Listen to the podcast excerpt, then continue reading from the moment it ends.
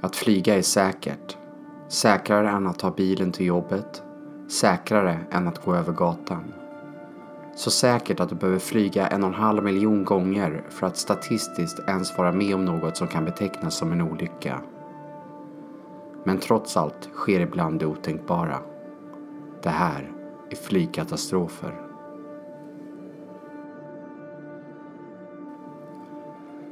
Det är den 2 september 1998. En fin och ljummen höstkväll på John F Kennedy-flygplatsen i New York. Vid gate 26 sitter 215 passagerare och väntar på att få stiga ombord Swiss Air flight 111 som ska ta dem till Genève i Schweiz. Det här är en sträcka mellan två av världens maktcentra. Flighten kallas FN-bussen på grund av de många FN-anställda som brukar åka med den.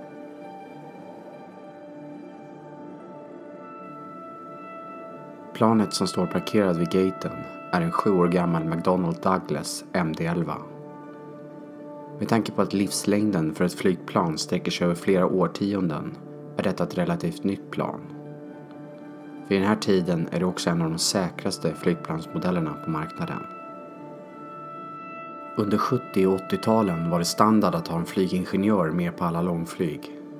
Men eftersom MD-11 är utrustad med sofistikerade datorer innebär det att man har kunnat ta bort flygingenjören och bara behöver flyga med två piloter.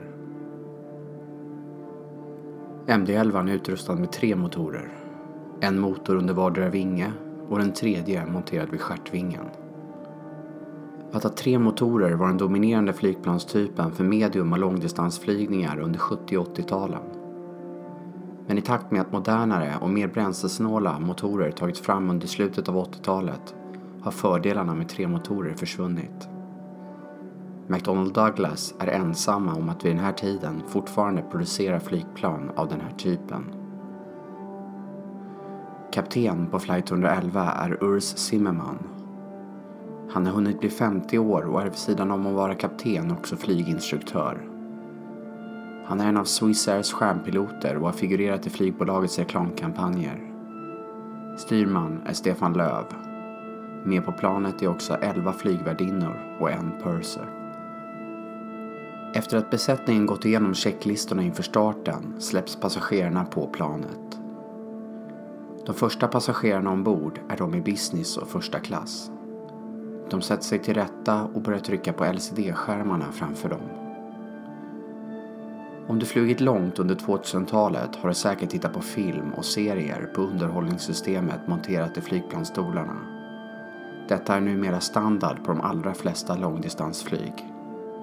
Men 1998 är detta fortfarande en nyhet, begränsad till de allra bästa platserna på flygplanen. På Swiss Air Flight 111 har ett sånt här nöjessystem precis installerats i business och första klass. Planet lyfter 18 minuter efter 8 lokaltid. Om knappt 8 timmar ska planet landa i Genève. Men så kommer det inte att bli.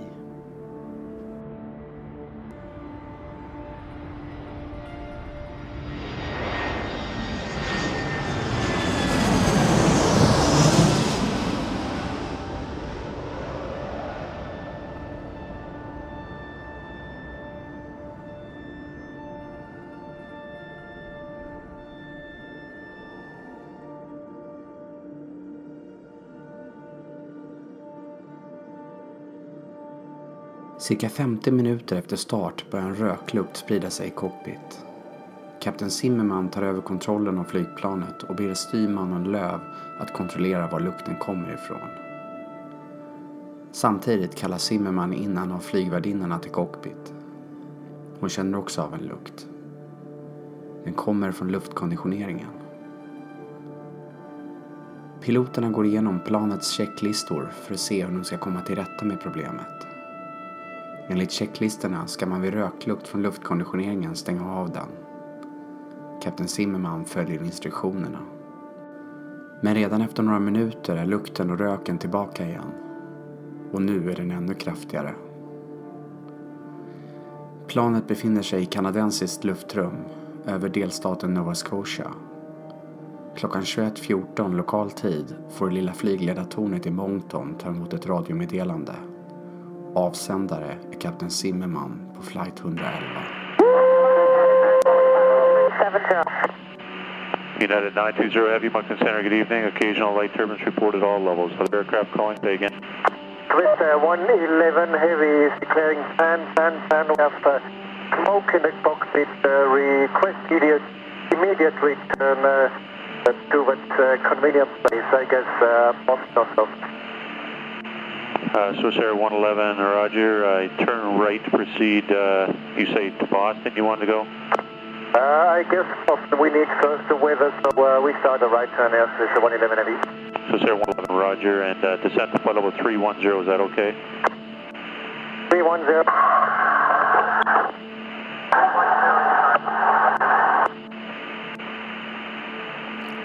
Kapten Zimmerman gör ett så kallat pan-pan-pan-anrop. Ett pan-pan-pan-anrop innebär att ett problem på flyget har uppstått men att piloterna gör bedömningen att problemet inte utgör en livsfara för passagerarna ombord. Men det är så pass allvarligt att Zimmerman ändå vill avbryta flighten och nödlanda i Boston. Flygledartornet i Moncton anropar Swissair111. De inser att den närmaste flygplatsen är Halifax och inte Boston. Piloterna beslutar sig för att bege sig mot Halifax och går ner på en höjd på 29 000 fot. Swiss Air 111 Center. Swiss Air 111 Heavy, go ahead. Uh, would you prefer to go into Halifax? Uh, stand by. Affirmative, Swiss uh, 111 Heavy. We prefer uh, Halifax from our position. Swiss Air 111, Roger. Proceed direct to Halifax. Descend now to flight level 290. Flygledartornet ger Swiss Air nya instruktioner om höjd och riktning. Halifax flygplats är nu bara 20 minuter bort. Swiss Air 111, you're cleared to 10,000 feet, and the altimeter is 2980. 290, 10,000 feet, Swiss 111 Heavy. Styrman Stefan Löv tar nu över kommunikationen och kontrollen över planet medan kapten Zimmerman går igenom checklistorna inför nödlandningen. Flygledaren ber honom gå ner på 3000 fot men styrman Löv vill hålla kvar planet på 8000 fot. Flygledaren frågar piloterna om de vill ha kursen till landningsbanan i Halifax. Detta kallas vektor och hjälper piloterna att navigera till flygplatsen. Mountain Center, good evening. Air 111 Heavy, flight level 254, descending flight level 250, on course Halifax. We are flying at the time on track 050. Swiss Air 111, good evening, descend to 3000, the altimeter is 2979. Uh, we would prefer at the time around uh, 8,000 feet, 2980 until the cabin is ready for the landing. Swiss Air 111, uh, you can descend to 3 and level off at an intermediate altitude if you wish, just advise. Roger, at the time we descend to 8,000 feet, we are anytime clear to 3,000. I keep you advised. Okay, can I vector you uh, to set up for runway 06 at Halifax? Uh, second latest wind, please. Okay, active runway Halifax 06. Should I start you on a vector for 6? Yes, uh, vectors for 6 will be fine. Uh, Swiss uh, 111 heavy. Swiss Air 111, roger, turn left heading of uh, 030. Left uh, heading 030 for the Swiss uh, 111. Okay, it's a back course approach for runway 06, the localizer frequency 109er decimal niner. You've got 30 miles to fly to the threshold. Passagerarna blir nu informerade om att planet kommer att avbryta sin färd mot Genève och istället nödlanda i Halifax. Planet är nu bara fem mil från flygplatsen. Piloterna inser att planet befinner sig på för hög höjd för att kunna landa direkt och att istället behöver cirkulera för att tappa höjd. Piloterna meddelar flygtornet. Uh, we need more than 30 miles. Please uh, say me again the frequency of the back beam. Swiss Air 111, roger, you can turn left heading 360 Lucem altitude. The frequency is 109er decimal niner for the localizer. It's a back course approach.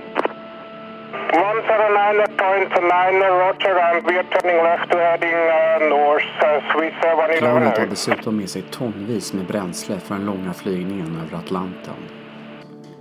Bränslet gör att vikten är betydligt högre än vad den borde vara inför en landning. Med nuvarande vikt finns en risk att planet och passagerare tar skada av nödlandningen. Planet måste bli lättare. På grund av detta begär piloten att få göra sig av med bränsle. Men det här innebär också att flight 111 måste stanna längre i luften. Piloterna får två alternativ av flygledaren. Ett är att dumpa bränslet närmare flygplatsen. Det andra alternativet innebär att planet tar en kurs ut över havet, längre från flygplatsen. Piloterna väljer andra alternativet. Antagligen för att kunna dumpa bränsle samtidigt som de tappar tillräckligt med höjd för att kunna påbörja landningen. Swiss Air 111, when you have time, could I have the number of souls on board and your fuel on board, please, for emergency services? Roger, at the time uh, fuel on board is uh, 230 tons. We must uh, dump some fuel. Maybe do that in this area during descent. Uh, okay, I'm going to take you. Are you able to take a turn back to the south, or do you want to stay closer to the airport? Uh, stand by short, stand by short. We are able for uh, left or right turn towards the south to dump. Swiss Air 111, uh, Roger. Uh, turn to the uh, left heading of uh, 200 degrees and uh, advise me when you're ready to dump. It'll be about 10 miles before you're uh, off the coast. You're still within about 25 miles of the airport. Roger, we are turning left and uh, in that case we are descending at the time only to 10,000 feet to dump the fuel. Okay, maintain 10,000. I'll advise you when you're over water. It'll be very shortly. Roger.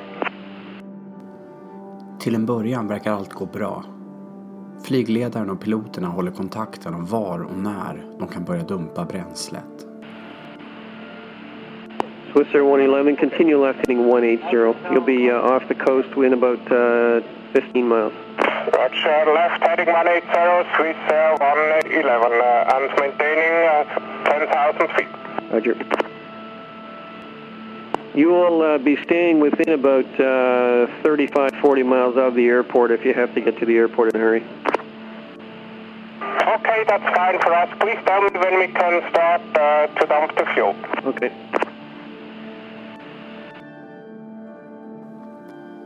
Plötsligt går situationen från oroande till skrämmande i flygplanet. Datorskärmarna släcks ner samtidigt som mörk rök börjar välla in i cockpit. Piloterna måste nu flyga manuellt utan hjälp från det datoriserade navigeringssystemet. Uh, Swiss uh, 111 at the time we must fly uh, manually. Are we clear to fly between uh, 10, 11,000 and 9,000 feet? Swiss Air 111, you can block between uh, 5,000 and 12,000 if you wish. Bara sekunder senare deklarerar piloterna emergency över radion. Det egentliga utropet är mayday och används bara när ett flygplan befinner sig i en livshotande situation. Något är nu katastrofalt fel. Swiss 111 Heavy is declaring, we are between uh, 12 and 5,000 feet. We are declaring emergency now uh, at uh, time uh, 0124. Roger. 11 Heavy, we starting dump now. We have to land immediate. Swiss Air 111, just a couple of miles. I'll be right with you. Roger. And we are declaring emergency now, Swiss 111. Copy that.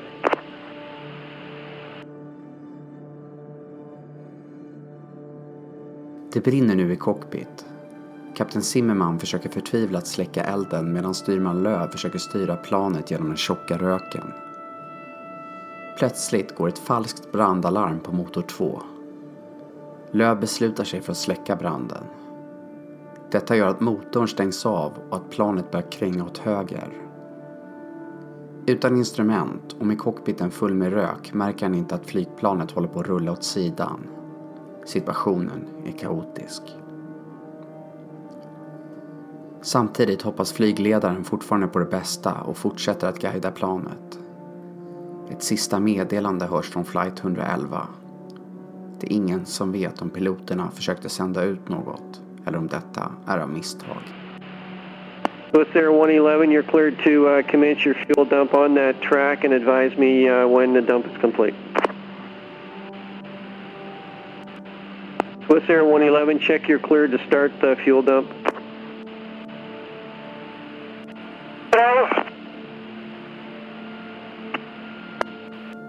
Flygplanet fortsätter att flyga i sex minuter till.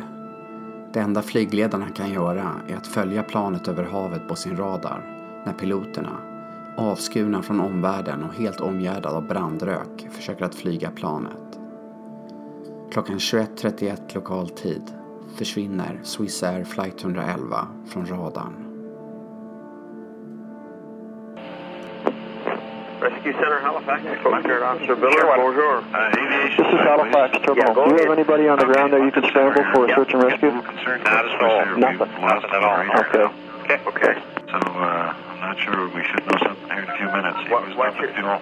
What do you have for last position on him when you lost? Oh, down just around St. Margaret's Bay. St. Margaret's Bay, eh? Now we're just keeping an eye. We're hoping he's going to pop up here again, but Ett stort räddningspådrag sätts in och beger sig till nedslagsplatsen. Lokala fiskare är först på plats. De känner lukten av bränsle och ser bråte från flygplanet på havsytan. Snart anländer även räddningshelikoptrar och skepp från den kanadensiska marinen. Hela natten hoppas man hitta överlevare. Men allt eftersom timmarna går står det klart för alla på platsen Ingen av de 229 ombord har överlevt. Under natten samlas familjerna i Genève och New York för att vänta in ett besked på vad som har hänt deras anhöriga. Ett kriscenter upprättas. Det här var ingen vanlig flight över Atlanten. På flyget var bland annat 11 FN-anställda. Utanför FNs högkvarter i New York kommer det att flaggas på halvstång och Kofi Annan kommer uttala sina kondolenser. I lasten fanns också diamanter och ädelstenar till ett värde av över 4 miljarder kronor, en målning av Pablo Picasso samt 50 kilo i olika valutor från en amerikansk bank. En hel värld vill nu ha svar på vad som kan ha gått fel. Eftersom kraschen skett på kanadensiskt område blir det TSB, Transportation Safety Board, som leder utredningen. Det är Kanadas motsvarighet till Statens haverikommission. Det stöds av 350 utredare från bland annat USA och Schweiz. Och eftersom man inte kan utesluta ett terrordåd så kallas även utredare från den kanadensiska polisen in. Bärgningen ska visa sig vara en komplicerad historia. Flygplanet har slagit i vattnet med en kraft motsvarande 350 G, vilket gör det enormt komplicerat att bärga både vrakdelar och mänskliga kvarlevor. Ett stort antal fartyg från olika länder kallas in. Ett av dem är det som kallas världens största dammsugare, Queen of the Netherlands. Ändå ska det ta över ett år att bärga nästan alla delar från planet. Samtidigt pågår det mödosamma och smärtsamma arbetet att bärga och identifiera kropparna så att de anhöriga ska få hem sina familjemedlemmar. Men det som utredarna vill hitta är det som i folkmun kallas svarta lådan. Det är egentligen två olika lådor. En färdregistrator som samlar uppgifter kring planets höjd, hastighet, position och roderutslag. Och en ljudregistrator där piloternas samtal med varandra och flygledningen samt bakgrundsljud sparas. Att hitta dessa lådor kan ge utredarna viktiga svar på frågorna vad som hände i och med planet innan det störtade i havet. Det ska dröja fyra dagar innan en ubåt lokaliserar färdregistratorn och ytterligare fem dagar innan ljudregistratorn hittas. Nu kan utredarna förhoppningsvis börja lägga första delarna av pusslet.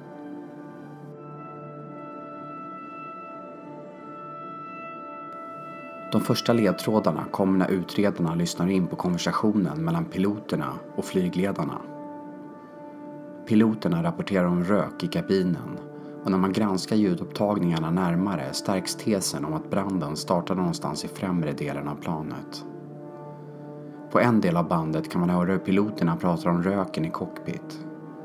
Piloterna går igenom flygplanets checklistor. I dem står det vad man ska göra när olika situationer uppstår. Enligt checklistorna ska de stänga av strömförsörjningen till cockpit, vilket de också gör. Det som då också händer är att luftkonditioneringen stängs av. I samma stund som detta händer skapas ett vakuum ovanför kabinen som utvecklar branden i utrymmet ovanför dem. Att en brand har uppstått är fastslaget. Men hur, var och varför uppstod den? Efter drygt ett år har 98 procent av flygplanskroppen bärgats. Två miljoner delar har samlats ihop i en hangar vid den kanadensiska kusten. Att planet störtade i havet ger utredarna en fördel. När planet slog i vattnet slutade branden på en gång att brinna, vilket i princip frös tiden. Eftersom utredarna vet att branden spreds i cockpit så koncentrerar de sökandet efter orsaken till den främre delen i planet, kring cockpit och första klass. Här hittar man också mycket riktigt material som brunnit. Längre bak i planet finns inga spår av brand. Man beslutar sig för att rekonstruera den främre delen. På en stålram identisk med nosen på olycksplanet placerar man ut bitarna som man fiskat upp från havet. På skadorna kan utredarna se att branden spridit sig från gången ovanför kabintaket. Branden var alltså osynlig till en början och när den sedan bröt ut fullständigt gjorde den bara i cockpit och i första klass. I ekonomiklass visste man antagligen ingenting om vad som pågick. Men hur uppstod branden? Ovanför kabintaket, i ett slutet utrymme, finns 250 kilometer med sladdar. Alla ska vara isolerade på ett sätt som gör det omöjligt för sladdarna att ta eld. Men vibrationer i ett flygplan kan slita på isoleringen. Och en ledning utan isolering kan, när den utsätts för kondens, skapa så kallade ljusbågar. Ljusbågar är en elektrisk urladdning, en kortslutning, som blixtsnabbt hettar upp luften till flera tusen grader på bråkdelen av en sekund. På planet hittar man 150 olika sådana möjliga kortslutningar. Men ingen som matchar den plats ovanför kabinen där man tror att branden startade. Utredningen verkar inte kunna ge något definitivt svar på hur branden uppstod. Haverikommissionen får fortsätta med utredningen på ett annat håll.